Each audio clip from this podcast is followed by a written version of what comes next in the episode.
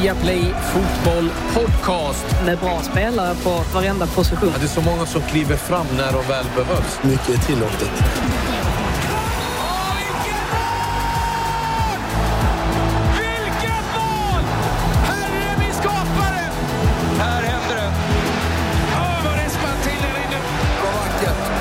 Det är bästa dagen på året. Det största som har hänt fotbollen någonsin i princip. Hjärtligt välkomna ska ni vara till Viaplay Fotboll Podcast. Och eh, hjärtligt välkomna ska vi säga till Mr Bojan Djordjic, eller Bojan. Bojan. Bojan. Men grejen är Claes, när du välkomnar mig, det känns som att det är första gången jag gästar den här podden. Jag är här alltså varannan torsdag. Ja, Det har du glömt bort eller? men vi är så glada varje gång du är här. Jo, jag förstår det. För att podden blir ju ännu längre än vad den bör vara. Jag bara babblar, babblar, babblar, babblar. Till slut vet jag inte ens vad jag har sagt. Och nu har babblat både tisdag och onsdag i Champions League-studion. Nu ska jag babbla igen på en torsdag. Kul. Ja, det är härligt. Eh, Frida, du är med som vanligt i varje fall. Ja, ja men precis. Jag är med här borta. Uh, jag, Friday som de säger. Frida Bauge. ja, men precis. Och Claes. Klas. Ja, vi kämpar på med våra, med våra namn här. Inte riktigt eh, ämnade för det engelska eh, eh, språket, eh, våra namn. Det kan vi lätt konstatera. Vi har mycket att eh, gå igenom och eh, igår såg vi Chelsea och vi har även sett Manchester City enkelt ta sig vidare till kvartsfinal. Seglar de här två lagen upp som favoriter nu? Det är frågan. Vi tar och eh, kikar till lite vad som är på gång i Championship där ett lag går mot strömmen och kan gå hela vägen till Premier League. Frågan är om någon vill ha dem där. Och så har vi en lite längre intervju med Dominic Calvert-Lewin. Intressant att höra vad han har att eh, säga, Everton-anfallaren. Men som alltid så börjar vi med senaste nytt med Frida. Ja, eh, hade lite problem att få ihop grejer denna veckan Jaså? faktiskt. Det har inte hänt sådär jättemycket uppseendeväckande saker. Eh, Mason Greenwood är tillbaka i landslagsvärmen igen. Eh, har ju inte varit med sedan den här incidenten på Island i eh, höstas. Eh, nu är han uttagen i U21-landslaget tillsammans med spelare som Callum Hudson-Odoi och Emil Smith Rowe. Så ja, får se om han tar sin andra chans här. Och ehm, skulle det bli så att Sergio Agüero inte får någon förlängd kontrakt i Man City i sommar så är han öppen för att flytta till en konkurrent. Eh, enligt Daily Mail ska Chelsea visar intresse för argentinaren om ifall att man inte lyckas snärja Er- Erling Haaland istället. Eh, skiljer ju några år dem emellan så att det kan man ju förstå. Så vi får se vad som sker där och eh, enligt uppgifter så vantrivs Liverpool på sin nya träningsanläggning i Kirkby. Anledning- Anledningen ska vara att det blåser för mycket, vilket man ju hade kunnat lista ut att det skulle göra med tanke på att området även bär namnet Windy Harbour. eh, vill man så kan man ju eh, ja, alltså, dra slutsatsen att resultaten delvis började fallera på grund av flytten som ju skedde i, i november. Men eh, det vet inte riktigt hur mycket som eh, ja, hur mycket det har påverkat varandra så att säga. Och vi pratade ju lite om Roy Keane förra veckan. Eh, nu sägs han vara sugen på att sätta Steven Gerrard på plats genom att ta över Celtic. Keane har inte haft ett huvudtränarjobb sedan 2011 men ska som sagt vara intresserad av att ersätta Neil Lennon som fick sparken för ett tag sedan. Och en annan som prytt både Daily Mirror och Daily Mail med mera den här veckan är ju en viss Bojan Djordjic. Eh, Den som inte har lyssnat på senaste avsnittet av Manchester Uniteds podcast eh, kan ju göra det. Det är ju inte minst värt då att höra hur, hur alla uttalar hans namn.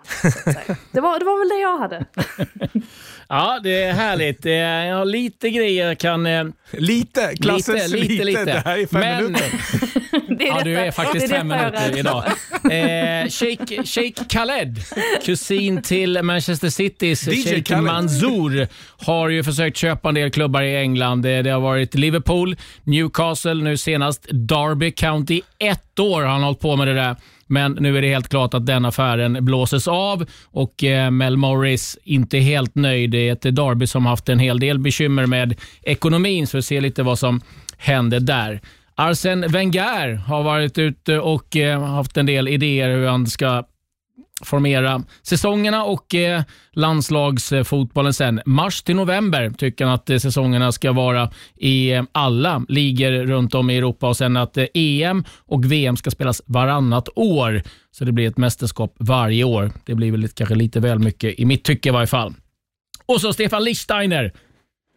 Bojans gamla favorit. Han har bytt yrke. Han ska bli urmakare. Aha. Man är ju från Schweiz. Det är ju Ja. det är normalt. Det är plan B alltid Plan i B, Schweiz. alltid det är plan B. fotboll eller urmakare. Där finns ingenting annat. Bara mer cash. Ja, det står gjort och då känner man den här är något mygel eller någonstans. i alla Nej. Schweiz myglas. Kom igen. Men den stora nyheten, ja den fick vi ju höra i Manchester Uniteds eh, podcast med Bojan. Vi ska lyssna lite på breaking news här som jag vill se en bild på sen. last training session before, Gaffer walks past me and he goes, Listen, if you're going to come tomorrow to the airport, if you're going to travel with us, you have to shave your hair. And he just walked. But it was not like a eye contact. He just said it like when he just passed by me. and then I was thinking, you know, Shazy was there, he was laughing, and I think Quinny and all them, everybody, everybody was laughing in a bit because now it was a dilemma. Have I grown up? Does he mean this? Knowing myself, I was like, everybody's known this guy. He's never gonna, he's never gonna cut his hair. But it was really long. I mean, he was even greasier than he was when I was 17. So, but I was a first team player. I came back. I won the double. I've done something now. I said, no chance. And at that time, I stayed at John, uh, John O'Shea's um, with his wife now, Yvonne. So I was gonna sleep over there because we are gonna travel together. He goes to me. I said, "Listen, no chance. I'm gonna cut my hair. Of course, it's gonna take him with me. I'm not gonna give way." So I go to bed and I'm thinking, I'm happy with my decision. Half an hour later, I'm knocking on their, uh, I'm, I'm knocking on their door. I said, Shazy, Yvonne, get up. Let's go down to the kitchen. Down in the kitchen, I'm sitting on the on the chair, and they are shaving my hair off. Every part of my hair that fell down to the floor. Ask Yvonne or Shazy, my tears. I cried. It was tears down my cheeks. So we go to the airport. We are going to the lounge. First step I took into the lounge where we're gonna have a meal. Gaffer turns to Albert and said, "You owe me." You owe me. I heard that. So they had a bet. The Albert said, "No way you're gonna get him." To do. He's never listened to anybody. He's not gonna listen to this now. and Gaffer, Gaffer said to him, "I bet you he's gonna cut his hair." So he owns me. So he had a bet with Albert that I was gonna shave my hair off. So I shaved my hair off, and I didn't speak to anybody for three days. Ja, vad härligt. Kan du inte raka av dig och tystna? Vet du hur rädd jag var för honom? Jag trodde nu, jag tänkte jag la mig i sängen. Jag bara, "Vet- ska du säga till mig att jag ska raka mitt hår? Jag är 22 år gammal och jag har precis vunnit dubbel med Röda Stjärnan. Är det min tid inne? Sen tänkte jag, nej, John Yvonne, snälla kan ni bara hjälpa mig? Jag vill åka till USA. John måste ha njutit. Ja, han njöt ju. Han hade ju samma frisyr som jag hade ju. Han var inte så nöjd med mitt långa hår, du vet själv. Tajta jeans, Dahlin-skjorta. Jag, bara, jag hade hela jävla kittet då. Nej, fan, alltså, jag blev helt svettig när jag tänkte på det. Jag fick, så här, Frida, jag fick flashbacks. Alltså, jag kom in som en liten sorgsen unge. Jag gick så här, så här med tunga steg mot deras sovrum, så här, väcker dem mitt i natten. Gud, vad dramatiskt. Please, help. Ja, det var dramatiskt. Och, men flygplatsen då när jag kommer in där, och han har inte gjort så bra jobb heller. Jag ska skicka till dig en bild. Den är, det är otroligt Ja, det, vi dålig. måste se den här bilden. Ja, hårlinjen är otrolig alltså. Det såg ut som en hårig tennisboll. Alltså, det såg ut som en tennisboll. På flygplatsen, min första resa med A-laget till USA. Och sen hade han ett bett. Han älskade ju betta, Sir Alex. Om det inte var hästar så var mitt hår. han hade sån makt. Det är sjukt. Ja, fan, jag måste få tag i Sir Alex igen. Det här. Pappa, mamma och Sir Alex, är de tre. Ja, eh, lyssna på den här eh, podcasten eh, Manchester Uniteds med eh, Mr Bojan. Väldigt, väldigt bra. Och Det är eh, mycket roligt, men också väldigt mycket... Åh herregud, nu visar han en bild på den. det här är bilden. Det här är bilden. Det här är typ några veckor efter det Oj, börjat oj. växa ut. Ser du? Hårig Men tennisboll. gud, nu, nu, ja, nu blir man ju avundsjuk. Alltså. Ni kan ju inte göra så här när ni vet att jag sitter i ett annat Du får skicka den på... Vänta, Ja, vänta, skicka vänta, den. vänta, har du telefonen Frida? Vänta. vänta Jag kan säga också att eh, eh, jag jag skänker en tanke också till den som har redigerat den här podcasten med Manchester United. Eh, ett, den var ganska lång och jag har inte hört så mycket beep från en amerikansk talkshow. Ja, det var mycket beep. Beep, alltså. Nu, nu beep, förstod du varför det tog beep. två månader för dem att censurera bort allting. Frida, nu kommer Oj. den. Ja, men gud, jag är jätte, jätteexalterad. Och det här är några veckor efter, alltså jag skickade till dig på WhatsApp nu, men det här är några veckor efter det började växa ut. Det var ännu värre. Nej men gud! Nej men poj, varför har han... Du har inget hår. Alltså vad är det för liksom liten fläck? Det är som en Ja, men det är det jag menar! Men, tack! Den här fläcken, men han tog Nej, i... den där tycker jag du ska ha igen. Vet du varför? För att han drog den och det blev, det blev för långt, sen blev det för kort. Och det, men det går inte att ta tillbaka när man har redan fått det. Så jag bara, det här är för kort, inte så här. Jag ska inte vara Claes Andersson nu. Åh men gud, åh herregud. Oj, ja, jag ja. förstår att du hade ångest. Faktiskt. Jag tänkte, kolla vad nöjd jag var lagbild också. Jag bara, kan ni, kan ni bara ta bort den här? Men det är någon som har hittat och grävt upp den. Han har skickat till mig på här- Twitter nu. Den ska jag ha Ja, som förrgår en, han skickade till- en screensaver, den bilden. Men Eh, nog om detta. Nog om detta. Men eh, lyssna gärna på eh, den podden. Eh, otroligt, otroligt intressant lyssning eh, eh, ska jag säga. Vi eh, backar bandet och går tillbaka till de eh, Champions League-matcherna som spelades i veckan.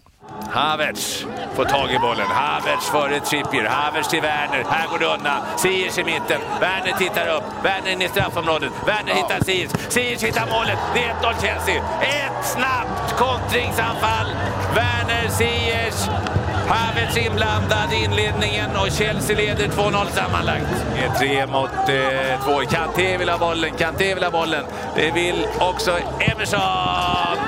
Där är spiken i kistan. Rodri tillbaka till Mares. Rycks lite grann av Stindl men tar sig ändå fram och släpper bollen för Kevin De Bruyne. Oj, oj, oj! oj herregud, gör ett magiskt mål! Med Cancelo på språng, med Gündogan här också. Ilkay Gündogan! Ja, det är så vackert. 2-0! Och det är, man ska aldrig säga det i fotboll eller idrott överhuvudtaget, avgjort. Men 18 minuter in i det här dubbelmötets returmatch då, så är det 4-0 totalt och ett Borussia- Borussia Mönchengladbach som inte vet hur de ska hantera Manchester City-spel. positioning of João Cancelo when he moves into that midfield area, even though he's playing at left back. Um, obviously, you did that at Bayern Munich, I think, with, with Kimmich quite a lot. Um, what, what made you think of that in the first place? Where did that come from, the idea? But come from Germany. That when you lose a ball, they kill you in the counter-attack when our fullbacks were wider. So this is one of the reasons why I learned this. In Barcelona, I have more controls in the game with the incredible players that we have, and they need uh, three guns and 100 bullets to, to lose one ball, and it was not impossible to lose them both. In Germany, it was completely different, and they run. And uh, but the main reason is to have more players in the middle to pass the ball. This is the main reason. You have control maybe when you lose it, but the main reason is have more players, four, five, six players, to make a short passes and more and more control. This is the only reason why. Everyone, uh, we did it with Fabian Delft to the year with 100 points. It was incredible with Alex Sinchenko as well. And Joe have this quality to do it. Of course, not all the fullbacks can can play in this position. Last game against Fulham, for example, we play with Mendy, and Mendy is a guy who has to play in the sides, depending on the skills. Uh, We adapt the quality of the players and, and the way we want to play. But in, in the big concept is is we defend with the ball. We have to have the ball as much as possible and be aggressive when we don't have it. Be incredible aggressive, everyone, and with the ball, a lot of passes and passes and passes. Because the situations come, the chances come after the process. Uh, when we are looking forward to create chances immediately, that is not good, and that's why we have a lot of players in the middle to create these kind of situations. Mm, alltid intressant att höra Pep eh, där lite om eh, varför Jao Cancelo framför allt, även Sinchenko spelar eh, ganska centralt och, eller ja, eh, överallt. Eh, Och det var Gary Lineker skulle säga, som gjorde intervjun där. Vad, vad säger du om det Pep säger? Men det kom ju. De som inte följer Bundesliga så började den göra det i Bayern München. Det var någonting nytt. Det var huvudbry för motståndarna, men också, det säger en hel del om hur genialisk han är i sitt tänk. Och varför det kan koka över ibland när han leker lite för mycket med sin information med uppställningar, främst i Champions League. Vi minns ju Lyon förra året. Det var en match de skulle bara städa undan. Och sen fick han nya idéer. Men i år känns de väldigt trygga i allting de gör. Alltså det är inte bara spelet med boll, det är spelet utan boll. Nu kan de också överlåta possession till andra lag när de har en ledning. De backar hem, är trygga i sina positioner, försvarar rätt, hela tiden fokus, koncentration och sen sårar de motståndarna tillfället ges. De går inte ut efter trean, fyran, som de gjorde mot, eh, mot Gladbach nu, när man tänkte men nu kan ni göra 3, 4, Nej, 2-0 räckte och sen höll man i bollen. Man backade hem, man försvarade rätt och gör imponerande försvarsinsats från Stones och Diaz, som hela tiden är med i matcherna. Det är ingen handbroms. Det är inte så att man låter motståndarlag växa in i det, skapa chanser, utan de är så trygga i allting de gör så att såklart att de är favoriter till årets Champions League med tanke på vilken form de befinner sig i. Ett annat lag som också imponerar försvarsmässigt, eh, det är ju Chelsea, Frida. Tuchel har ju alltså stramat upp det där laget något enormt. Ja, nej men verkligen. Eh, inför mötet med Atletico så såg jag att deras XG, eh, alltså expected goals, låg på eh, 0,6. Alltså då alltså mål emot sig. Um, och det är ju oerhört lite. Och eh, det trodde man ju kanske inte att det skulle ligga på för några månader sedan. För att även om Chelsea har väl alltid haft alltså, bra mittbackar att tillgå men så här bra har de ju inte varit och dessutom så har ju Thiago Silva saknats under en ganska lång tid nu så att det märks ju väldigt tydligt att främst egentligen Andreas Christensen trivs väldigt, väldigt bra i en trebackslinje. Nu var ju han borta sjuk eh, under gårdagen. Eh, ersattes av Kurt Zuma och där tänkte man väl kanske att Eventuellt kommer vi kanske märka av det, men det gjorde man ju inte. Eh, Cesar Aspilicueta är ju också jättebra i en, i en trebackslinje, har ju de egenskaperna som passar väldigt bra in för att spela till höger. Eh, Antonio Rüdiger har ju fått en, eh, ja alltså han en, en ny evolution nästan med tanke på att han var ju på väg ut ett tag alltså under Lampard och hade hamnat väldigt långt ner i, eh, i hierarkin. Och sen så nu helt plötsligt så ser det ut som att han älskar att spela fotboll, eh, gillar framförallt när han driver upp bollen mot offensivt straffområde vilket han gör ganska ofta för att han har en rätt så, rätt så fin eh, passningsfot också och kan se de här, eh, ja alltså se passningarna eh, och slå dem också, eh, tajma dem bra. Så att Eh, helt plötsligt så, så ser det ju ut som att eh, Chelsea inte ens behöver förstärka på mittbackspositionerna. Eh, att de faktiskt har mittbackar i överflöd. Och ja, det var ju inte situationen för, för några månader sedan om man säger så. Nej, och tittar man på siffrorna så är det 13 matcher, 9 vinster, 0 förluster. 11 stycken nollor och eh, vi pratade lite igår eh, i Champions League-studion om just de här bilderna när de gjorde målet. Man mm. såg Mount, Thiago Silva och Jorginho.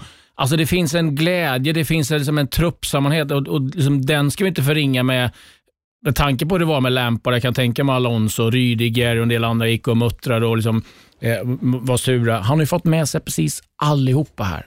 Ja, det är imponerande. jag måste gå tillbaka till Rydiger. För mig har alltid varit en säkerhetsrisk. Alltså det var som en tickande bomb. När kommer nästa misstag att ske?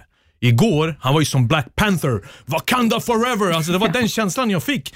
Han var ju, det var, det var inte hybris, men alltså det ett självförtroende, ett försvarsspel hur han hela tiden hade rätt press och avstånd, hur han bröt, hur han backade hem jobbet. Det var sån fokus, det var sån koncentration tillsammans med Zuma då. Och då saknades Christensen som var sjuk, Thiago Silva uppe på läktaren. Så att han har fått till det här försvarsspelet, det är det som imponerar mest. Och sen ska vi inte prata ens Kanté.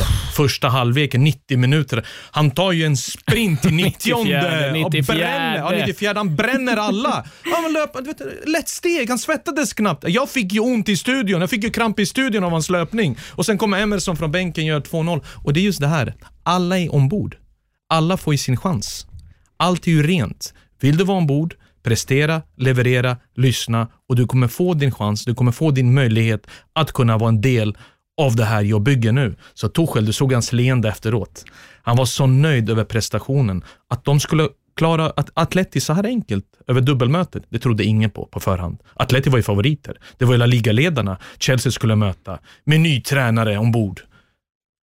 Utmärkt prestation, hatten av, ja, och de ska hyllas. Det är inte att Atleti var dåliga, de gjorde Atleti ännu sämre än vad de var. Mm. Det är väl en som inte riktigt fått den här speltiden. Han tror det. Kan Pulisic satt och gnuggade händerna när Tuchel kom. Ja, men, han har fått en kvart. Gnugga, nej, men det första Tuchel sa utan att ha sett, he's an impact player, he's better from the bench. Det, direkt så går på försäkran och säger, nej, Pulisic är ja. bättre på bänken. Problemet är det jag inte får ihop riktigt i, i, i mitt huvud är ju att, alltså, såklart att Tuchel känner ju Pulisic väldigt, väldigt bra från eh, tiden i Dortmund och sådär. Men Pulisic har ju utvecklats sen dess också tycker man. Han kan ju faktiskt starta matcher och var bra. Eh, sen så har han ju fått spela i en liten annorlunda roll nu oftast ju. Alltså när han har fått chansen under Tuchel har ju inte riktigt tagit de chanserna heller när han har fått dem. Som exempelvis mot Leeds där jag ändå tycker att han kommer runt rätt så bra på sin högerkant då ett par gånger. Men ja, gjorde kanske inte något riktigt stort avtryck sådär under matchen som man kanske hade hoppats då eh, för Tuchels del. Och alla andra också som hoppas att Pulisic ska, ska blomma ut. Det är ju lite annorlunda för honom nu när han inte behövs eller han inte kan spela till vänster där han väl var som bäst under Lampard förra säsongen. Så att eh, ja, det finns väl lite frågetecken kring honom eh, fortfarande. Men det känns ju som att Tuchel är, han är smart. Han, han tar det lite ett steg i taget. Först fick han igång, först, först satte han försvarare på plats och sen så fick han igång eh, Timo Werner eh, och sen så har han eh, fått igång eh, Kai Havertz nu de senaste veckorna också så att eh, Pulisic tid kommer säkert. Man hade ju velat vara en fluga på väggen hemma hos Lampard. Ja, han har precis blivit pappa kan jag säga. Han fick ju barn här för tre dagar sedan eller någonting sånt. Såg jag på Instagram. så att han har ju fullt upp med Ja, det. du får säga grattis till, till, till Frank Lampard med det. Vi ska säga det. De som är vidare då till eh, kvartsfinallottning är morgon fredag. Det är Dortmund, Bayern München, Porto, Liverpool, Manchester City, Chelsea, Real Madrid, PSG. Vågar någon sätta emot mig att Manchester City får Porto? Jag! Jag sa det igår, någon gång så måste det ske. De kan inte de få kommer få Porto. Ja, men förra året så fick de Real i åttondelsfinalen, det glömmer man.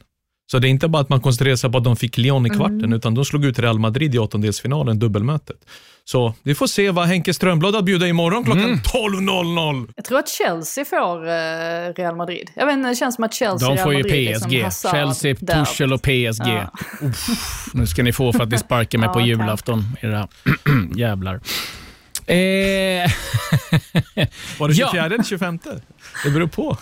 Om det är julafton eller juldagen. ah, det var julafton, det var 24. 24, Mm. okej. Nu ska vi eh, höra lite, eller ja, vi ska backa tillbaka till en situation som hände i måndags i matchen eh, Wolverhampton-Liverpool. En match som eh, Liverpool vann med 1-0, men det var en annan situation som eh, fick mest fokus.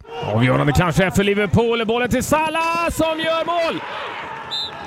Men flaggan kommer upp. Han kände det på sig där, Salah. Vad har hänt med Rui Patricio i den här situationen nu då? Just 2-0 mål och vinkat då för offside, helt korrekt. Och sen i den situationen alltså kollisionen mellan Cody och Rui Patricio som fortfarande ligger kvar. Snart 10 minuter har det tagit. Om läkarteamet och tillsammans med domarteamet, man gör en bedömning för att sitta på situationen också. Att eh, vid eventuell hjärnskakning då får By göra ett ytterligare byte till två stycken byten för hjärnskakningar. Får se ett utnyttjande av den här då nya regeln som ju här eh, har kommit till just för de skador man har slutligen även inom fotbollen börjat uppmärksamma hjärnskakningar på ett annat sätt. Men där har vi också den här diskussionen med hur länge ska man vänta på offside-avblåsningen? Hur viktigt är det att låta spelet fortgå istället för att vinka direkt? Hade flaggan kommit upp direkt så hade ju den här situationen aldrig uppstått. Ja, vi håller alla tummar givetvis för snabbt tillfrisknande för eh, Rui Patricio. Mm, nu verkar det lyckligtvis som att det, det mesta eh, är bra med eh, Rui Patricio, men det där är ju en situation som vi har lite suttit och, och väntat på ska kunna hända. Men det som är på gång, det är väl lite det vi ska eh, prata om, det är att det är någonting, ska vi säga, semi-automatiserad eh, offside där det är ett svenskt bolag eh, som eh, ligger bakom och eh, som man har testat under klubblags-VM, eh, där egentligen eh, Frida, lite som goal line technology, eller hur? Eh, ja, men, men precis. Jag är inte den bästa på att eh, förklara hur sådana här grejer eh, fungerar. Alltså sådana här tekniska lösningar. Men det låter ju... Du är ju vår tech, du, du är vår eh, tech-expert. Ja, eller hur? Det är ju oroväckande i så fall. Men eh, så som jag har förstått det i alla fall så ska man ju kunna se om en spelare, eller man ska kunna få, domarna ska kunna få notis om när en, en spelare är offside. Vad är det inom ett spann av tre sekunder eller någonting sånt? Att det ska gå oerhört snabbt eh, från det att offsiden sker till att de då får reda på det. Och eh, det, det låter ju som någonting som verkligen skulle kunna var välbehövligt. Framförallt då eftersom att vi undvek, undviker de situationerna dels då som är Patricio, möjligtvis, det vet man ju inte, det hade kunnat inträffa i alla fall ju. Ehm, men också det här att vi kanske inte får de här långa avbrotten för att offside omblåsningar tar ju väldigt mycket tid eller kan göra eh, under en matchgång. Och är det något tekniskt hjälpmedel som vi ju aldrig klagar på så är det ju goal line technology just för att det går så himla snabbt och um, ja, alltså det är ett väldigt precis redskap. Så att uh, jag tycker att det låter väldigt positivt. Um, så får vi ju se hur det kan implementeras. Och man måste väl justera också så att det finns säkert uh, vissa saker som uh, kanske inte funkar lika bra eh, som det låter. Men ja, sammanfattningsvis så måste man ju säga att det låter som ett rätt rätt steg att ta. Chiron Hego, Traycab eh, är det då i Sverige och även Hawkeye tittar på, på det här. Det är som du säger Frida, att eh, det kommer en signal direkt och det här är då så att eh, man ser direkt, inte behöver se några linjer och det är den kroppsdel då som kan göra mål som man eh, kommer få en signal omgående, vilket gör också att blir det mål, man behöver inte sitta och fundera på om det var offside, alla kan jubla. Det har ju varit en del av eh, eh att man tyckte att det VAR har varit väldigt trist. Det kommer släppas här i dagarna lite hur man tycker att det här gick under klubblags-VM. Man tittar på det, men skulle väldigt gärna vilja ha det i VM här 2022 kanske. 2023 att det kan komma. Men det vore ju en enorm hjälp för dels eh, linjedomarna, men för alla involverade att det skulle gå snabbt och det är inga konstigheter. Nej, det är verkligen välkommet. Välkommet, förlåt. För att jag har suttit i studion och pratat om det väldigt många gånger. Eh, jag kan bli irriterad, jag vet att de har fått direktiv, men det uppstår en, två, tre situationer ibland där de håller flaggan nere. Det är ett skott, det är en block, det är en tackling. Man väntade bara på att någonting sånt här skulle ske. Och förhoppningsvis så kommer Rui Patricio stå mellan stolparna igen. Och det är otäckt, jag fick ju de här eh, Peter Cech-vibbarna. Men just att direktiven kommer ju vara betydligt bättre när det här implementeras. För det behövs ju, Klasse. Du vet ju själv. Jag förstår direktiv, regler, men snälla, ibland tar det 10-15 sekunder. Och vi pratar om flera olika situationer där spelarna har fullt tryck i sin löpning, fullt tryck i sin tackling. Och så uppstår det situationer som vi verkligen måste undvika för att skydda spelarna. Och nu fick de ännu en större tankeställare med det som hände i måndags mellan Wolverhampton och Liverpool. Mm, ja, vi, vi hoppas att det där kan eh, skyndas på, det där arbetet och eh, skulle det hjälpmedlet kunna finnas tillgängligt eh, snabbt och, och ganska snart så skulle det vara oerhört välkommet. En annan eh, grej om man pratar just med, med, med domare är att det kommer nu röster från flera håll om att man vill att man ska ha specialiserade domare, att vissa domare ska bara sköta VAR, that's it. Att det är liksom, du är en, eh, VAR-domare och att man jobbar mer som team, att eh, ett gäng alltid jobbar tillsammans så som det ofta ser med en huvuddomare och två assisterande så är det ofta i alla fall man använder sig av, av eh, samma team. Och, eh, vi ska ha med oss det här, liksom, jag, jag såg eh, en före detta domare som pratade om det här också, att det är ett enormt slitage på, på domarna. Liksom, någon hade dömt en kvällsmatch uppe i Leeds eh, sent, sätter sig i bilen, ska vara liksom VAR-domare i Stockley Park. 12.30 avspark nästa dag. Det är klart att det sliter även på dem. Eh, så att det, eh, det tror jag är som en väg fram. Dels också att domare som anses vara för gamla kan sätta sig i varummet och eh, bli mer specialister på att kanske bara sköta VAR. Vi får se. Vad tycker ni om det där? Ja, alltså det, det, låter ju väldigt bra. Alltså det jag tänker främst är väl att de gånger som man har reagerat på att varummet har fått någonting fel, eh, eller där man har känt att det här det där är ju inte rätt beslut. Då har det oftast varit en vardomare som man vet har en tendens att kanske inte göra speciellt bra matcher Eh, ja, alltså i, eh, i praktiken heller, alltså när han är på, när han är på en plan och dömer.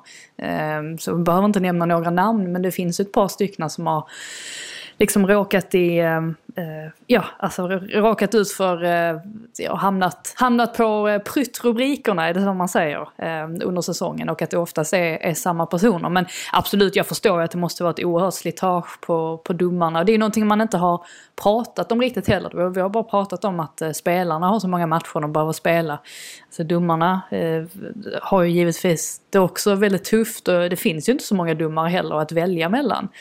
Och så det måste man också komma ihåg att de har haft väldigt svårt att få fram en ny generation och det är väl därför vi ser samma samma namn eh, år efter år trots att man tänker att vissa av dem kanske bör, borde börja tänka på refrängen. Så att där har ju egentligen alltså hela ligan en utmaning. Vi får se hur de kommer lösa det i, i framtiden, alltså om några år. Eh, jag tror till och med att det kan bli så att man kanske börjar plocka in domare från andra länder och sådär för att fylla upp kvoten. För att eh, just nu så, så ser det inte, framtidsutsikterna är inte så här jätteljusa faktiskt på den punkten. Nej, vi får se lite vad, vad som händer på domarfronten. Vi ska följa det här eh, teknologin. Som sagt, eh, sagt att eh, i dagarna så ska Fifa släppa rapporten då om eh, hur de tycker att det gick under klubblags-VM. Bara den funkar bättre än Golan Technology Aston Villa Sheffield United förra året. Enda gången den dog räddade Aston Villa kvar. Jo, det var där de testade. Det var ju på Villa Park. Ja, de Villa testade Park, också. det. Fantastiskt. Och så, Och de klarade sig med den poängen.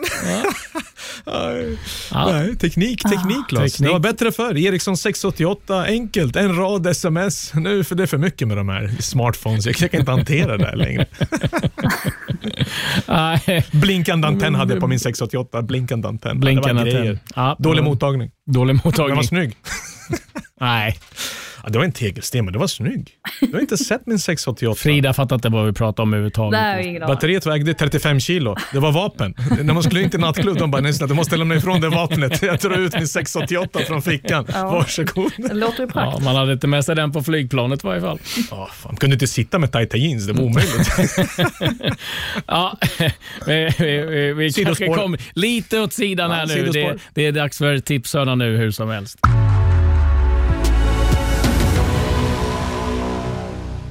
Vi vänder nu blickarna lite mot eh, Championship eh, och eh, ja, vi vet att eh, Norwich de går som eh, tåget eh, där eh, Timo Pukki verkar ha hittat eh, storformen igen.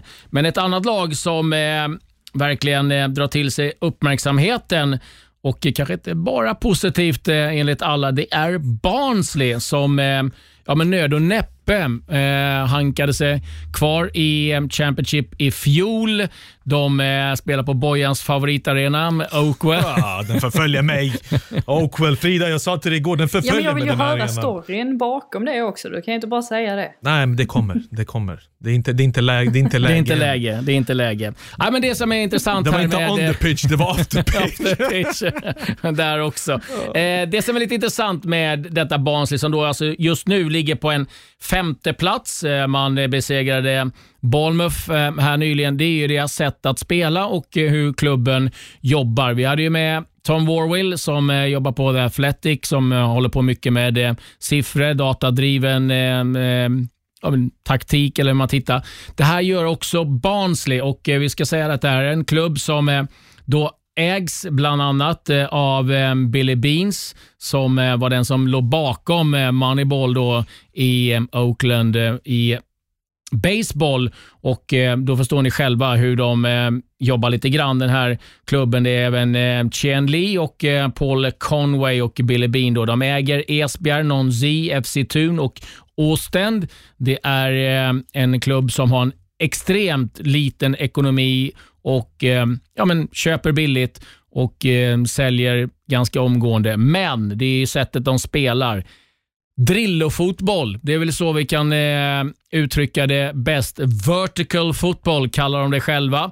Det är inget snack om och eh, det är flera klubbar i Championship som eh, minst sagt inte är nöjda med hur de spelar. Eh, det är Tony Mowbray i Blackburn som eh, normalt sett vill spela en, ska vi säga, från eh, målvakten och framåt. De fick överge allt det här för att de är tokpressar det här laget och eh, kör på. Och eh, Det är de som tycker att de inte spelar fotboll. Men det som är lite intressant här, som jag tycker är anledningen till dels att det kan, de är på gång här nu. Jag tror de har tio raka utan eh, förlust och pressade faktiskt Chelsea och eh, ganska rejält i FA-cupen. Det är att det här är ju laget, Frida, som mycket väl kan dyka upp i i Premier League nästkommande säsong. Ja, nej men då, det vore ju eh, en riktig helomvändning får man säga med tanke på när Struber var det väl som eh, klev in och eh, räddade dem kvar med, med ett poäng var det väl om jag inte missminner mig. Sista omgången. Ja. De slog Brentford. Ja men precis. Och han gjorde ju det med den här eh, ur, det här ursinniga pressspelet som ju eh, ställde eh, hela ligan då, eller alla motståndare, eh, där man i princip fokuserar på att pressa väldigt, väldigt högt och, och intensivt centralt i banan och på så sätt tvinga motståndarna att använda kanterna istället.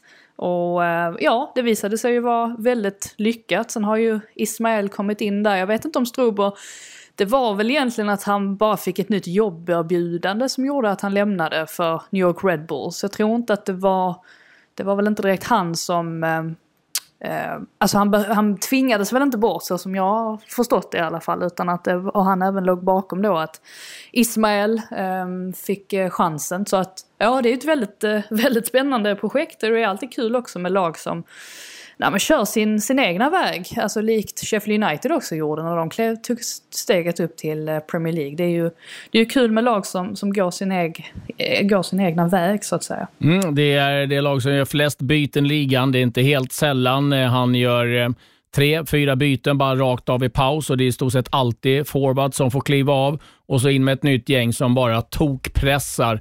Och eh, Bojan, jag vet att det här kanske inte är riktigt Nej. din favoritfotboll, Nej, men ändå lite spännande med någon slags ska vi säga, antites till det som har, har varit med, hur man tänker kring att man tittar på siffror och hur man får utdelning med att man spelar eh, bak. De här kör bara upp och tokpressa och gör livet jäkligt surt för dem de möter. Absolut, alltså i Championship är väldigt intressant. Jag hoppas verkligen de når en playoff-plats, men sen får det räcka vi måste tänka en större bild. Barnsley har ingenting att göra i Premier League. Om Barnsley skulle komma upp till Premier League nästa säsong, så tror jag med tanke på bristen på ekonomi och pengar där de behöver förstärka, de behöver få in nyförvärv, de skulle bli sämre än Derby County, som är fortfarande Premier Leagues sämsta lag när de åkte ut. Jag förstår att charmen finns ju där. Och det är faktiskt, man ska se Barnsley, jag har sett dem ett flertal gånger. Det är helt någonting annorlunda. Och det är verkligen som Claes och Frida är inne på för de som inte sett dem. Det är verkligen back to the front. Det, det finns ingen mittfältsspel och så fort de tappar bollen så är det en sån tokpress alla Leeds nästan och ännu värre och ännu mer galet. Så att de stressar och pressar folk. Det enda som har skyddat dem, och det är roligt, det är Claes Anderssons favorit, det är Neil Warnock. För han så, jag har absolut inga problem med det. Jag älskar Neil Warnock. Ja, men det var ju det, jag läste det, det var Yorkshire Post, alltså av alla Yorkshire Post läste jag. vet inte varför jag läste Yorkshire Post. Men det var verkligen Neil Warnock. Nej, jag har absolut inga problem med det sättet de spelar. Jag förstår att de kan irritera folk, men jag har också använt dem och den taktiken och den metoden. Men de har verkligen tagit till en grad med den truppen, de ska inte ens ligga i närheten av att vara med om en playoff. De startade säsongen innan tränarbytet med sju matcher utan vinst. Barnsley var det laget som höll på att åka ut förra, förra året. Och med tanke på min historia med Oakwood, det kan vi ta någon annan dag. Jag hoppades verkligen förra året, jag höll tummarna. Kan inte de bara åka ut till League One? Så får de möta Plymouth igen. Men de klarade sig kvar med nöd och näppe. Och kolla nu. Kolla på segerraden. Kolla hur de gör livet surt för lag. Jag såg dem mot Bournemouth, när de låg under med 2-1. De fick sig en rejäl utskällning, det läste jag. Med sättet att de var nästan rädda för Bournemouths sätt att spela fotboll. Att de inte trodde på det. De låg under med 2-1 i halvtid, vänder i halvtid matchen med det spelet som har tagit dem upp nästan mot toppen. Så att, imponerande på sitt sätt, men jag har väldigt svårt att se att folk skulle tycka det skulle vara väldigt charmigt med Barnsley och Oakwell i Premier League-säsongen. Vad blir det? 21-22 då? Mm. Senast i Premier League var de 97 och jag tror att det var så att deras eh, rekord vad det gäller transfers, du var inne på pengar där Bojan, mm. det var en och en halv miljon. Och det var typ, det var 97 eller sånt där. Så att de jag trodde har... det var Jan-Åke Fjörtoft ja. som var deras...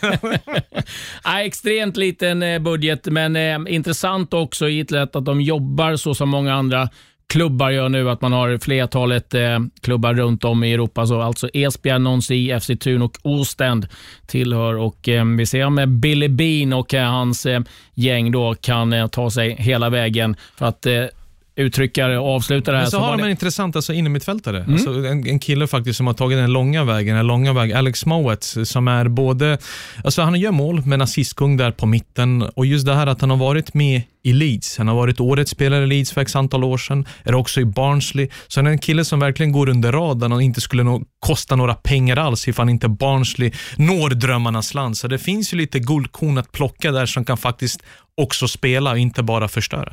Nej, var i League One eh, säsongen 18-19.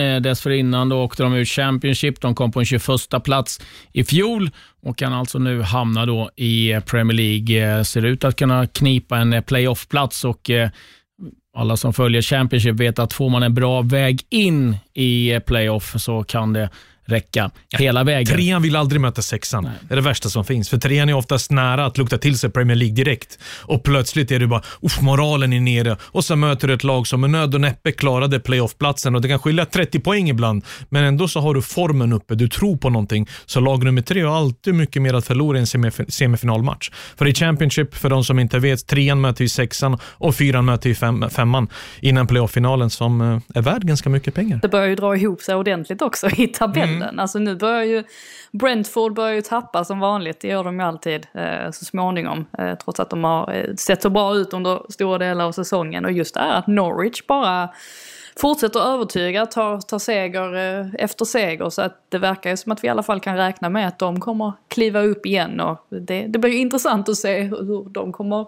bete sig under eh, ja, alltså en ny vända i Premier League med tanke på att de var lite avvaktande ändå förra gången de klev upp. Eh, värvade inte speciellt mycket och sådär. Får se om de har, har ändrat sin, eh, ja, sin inställning sen dess helt enkelt. Man älskar ju när Championship-säsongen tar slut efter 46 omgångar. Tänk dig det, 46 omgångar. Det är helt jävla sinnessjukt. Ja, då det roliga också med Champions, de spelar alltid när Champions League-kvällar. De bryr sig inte Nej, om nej, det är nej, de åttondelsfinaler, köttar på. kvartsfinal. Lördag, tisdag, nej, det är lördag, lugnt. tisdag. Derby Rotherham, vi kör ändå en tisdag kväll.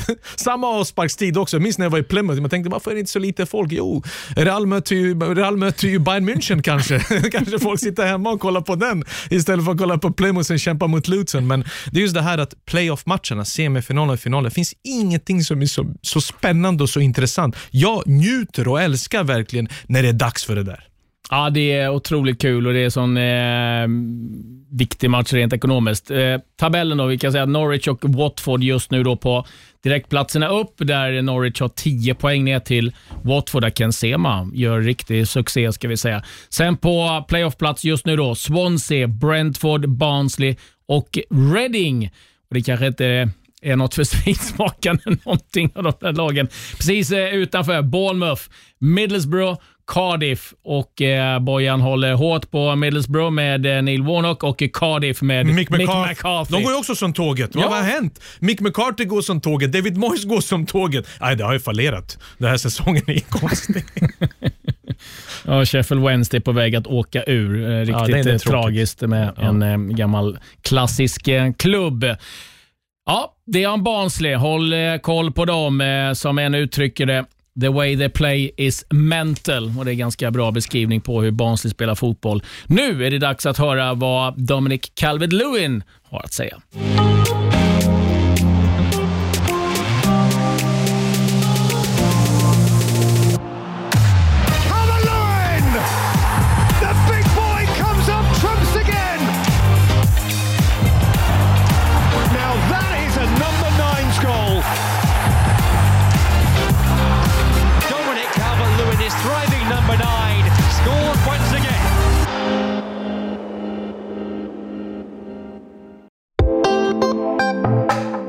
Becoming Everton's number nine is something I, I worked hard for, and you know it, it's it wasn't easy at first. I think when I first joined the club, you know, I was 19 and I played in different positions. I played out wide, which I'd never in my whole life played as a winger before. And next thing I know, you know, I'm playing in the Premier League as a as a right winger or a left winger. And then I only became a centre forward when I was 17. And then I'm leading the line in the Premier League when I'm I'm 20, 20 years old. So I think it was all it was all learning for me. You know, I was aware that I wasn't going to perhaps, you know, some some young players burst on the scene and hit the ground running straight away, and then there's all this hype. But for me, I was more concerned with just keeping a steady, like upward trajectory of of progression and just small steps, small steps, and, and keep progressing to ultimately getting to where I am now, and and that's the, still the same same kind of belief that I have now is that I just want to keep you know progressing, progressing, and and, and reaching higher heights.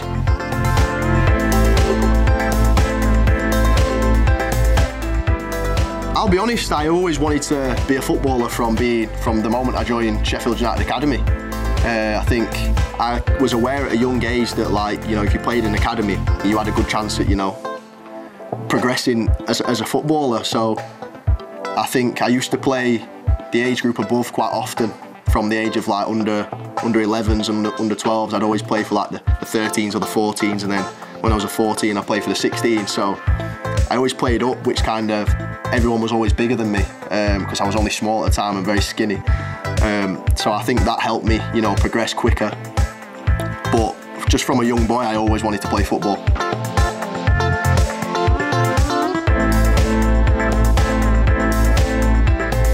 It's just part of, of who I am and who I've always been. You know, I've always believed that I can, I would eventually get to the Premier League and, and you know, I'd play in the Premier League for for whatever reason, that was just the belief I had in myself. And I think a lot of it probably, my dad was always my go-to man for, for football advice, and you know, he'd, he'd, come and watch me up and down the country uh, from being a young kid. I think it was his belief in me, which kind of passed on to me, and then I had it in myself. You know, he, he, if I didn't have a good game, he, he always believed that because he knew what I was capable of, you know, that I was capable of more. Big Donkey, he's, I see him every day, I speak to him every day, and he's been great for me since since I joined the club. You know, even when I wasn't a mainstay in, in, in the starting 11, he still, you know, believed in me from the start and he would do extra finishing drills with me or whatever it may be. And, you know, perhaps if I was going through a tough time, he'd, you know, you're the man, lad. That's what he'd always say, you're the man. Um, which, you know, to hear that from Big Dunk, who's been there and done it and scored the goals he has done and you know, Everton fans love Big Dunk, so he's been a, a great mentor for me. Mentally, I'd say more than anything, to kind of keep focused and keep track on, on what I'm doing.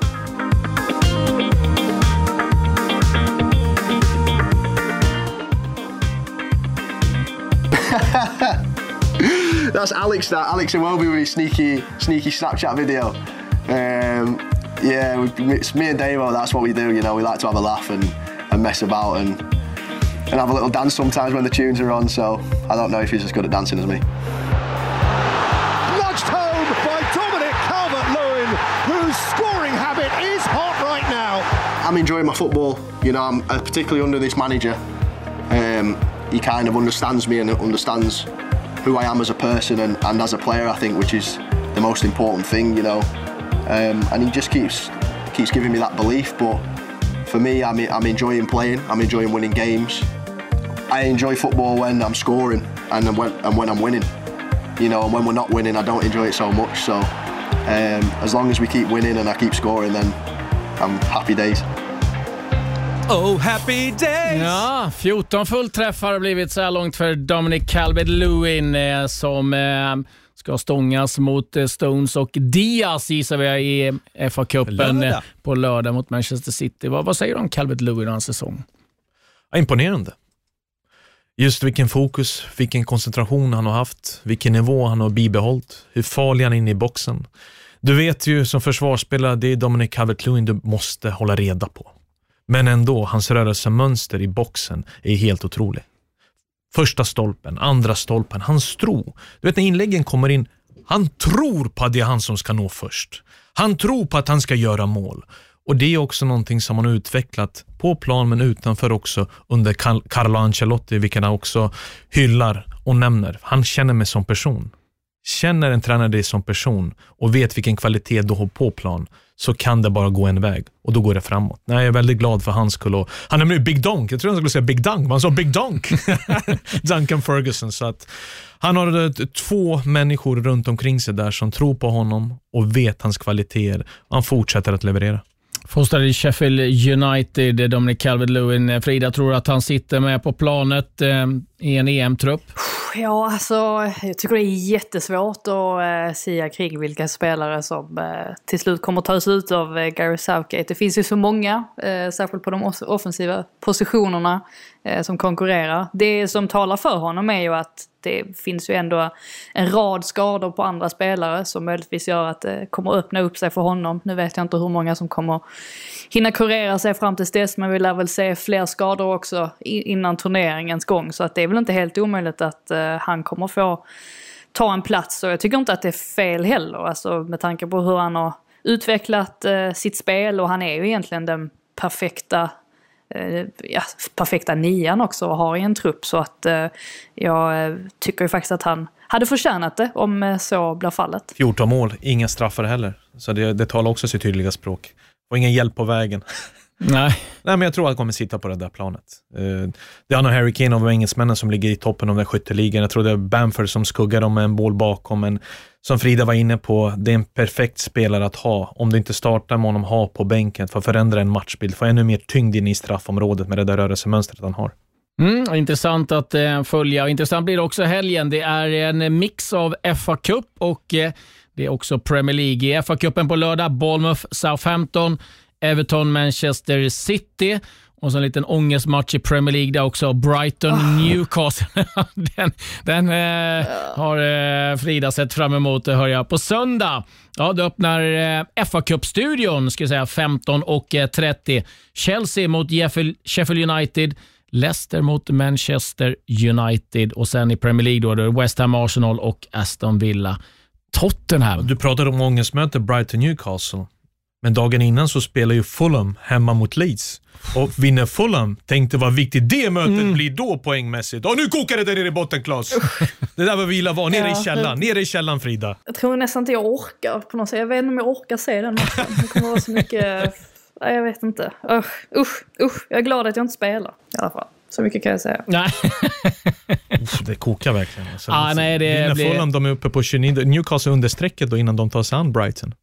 Mm. FA-cupen, vilka tror ni på går vidare? Ja, United går ju vidare. Ja, som neutral. många. Jag svarar ju som Sheffield neutral. United. Nej, men som neutral så tror jag att Manchester United slår Leicester Mm. på söndag. Som neutral säger jag då. Frida? Ja, nej men det tror väl jag också att de gör. Eh, med tanke på att de har börjat få tillbaka lite spelare nu också ju. Och eh, Leicester har ju det lite tufft att eh, slåss på många fronter så det skulle väl inte förvåna mig heller om det är de som, de som går vidare. United alltså. Manchester United. Mm, vi gissar att det blir Southampton, Manchester City, Chelsea och Manchester United som då tar sig till en semifinal. Ja, som sagt, mycket att eh, se fram emot. eh, Och är ni sugna på lite fransk fotboll så finns det Lyon PSG att eh, kika på också denna helg. Det finns mycket. Celtic Rangers, men den betyder ju inte sådär jättemycket eh, just nu. Men jag vet inte, ska de göra en eh, God of Honor?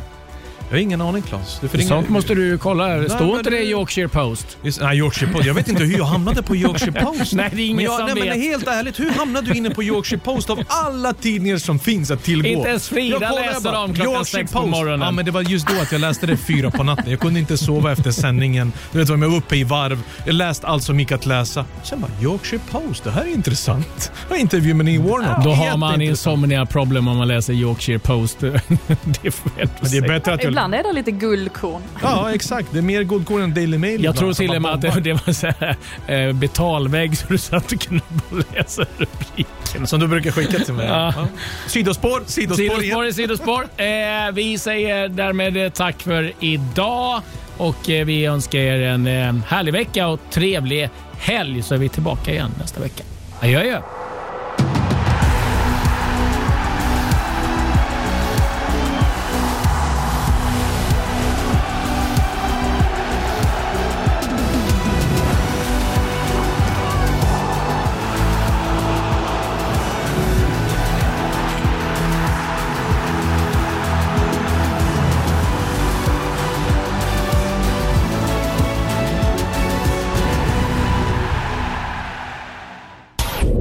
Av I Like Radio. I like radio.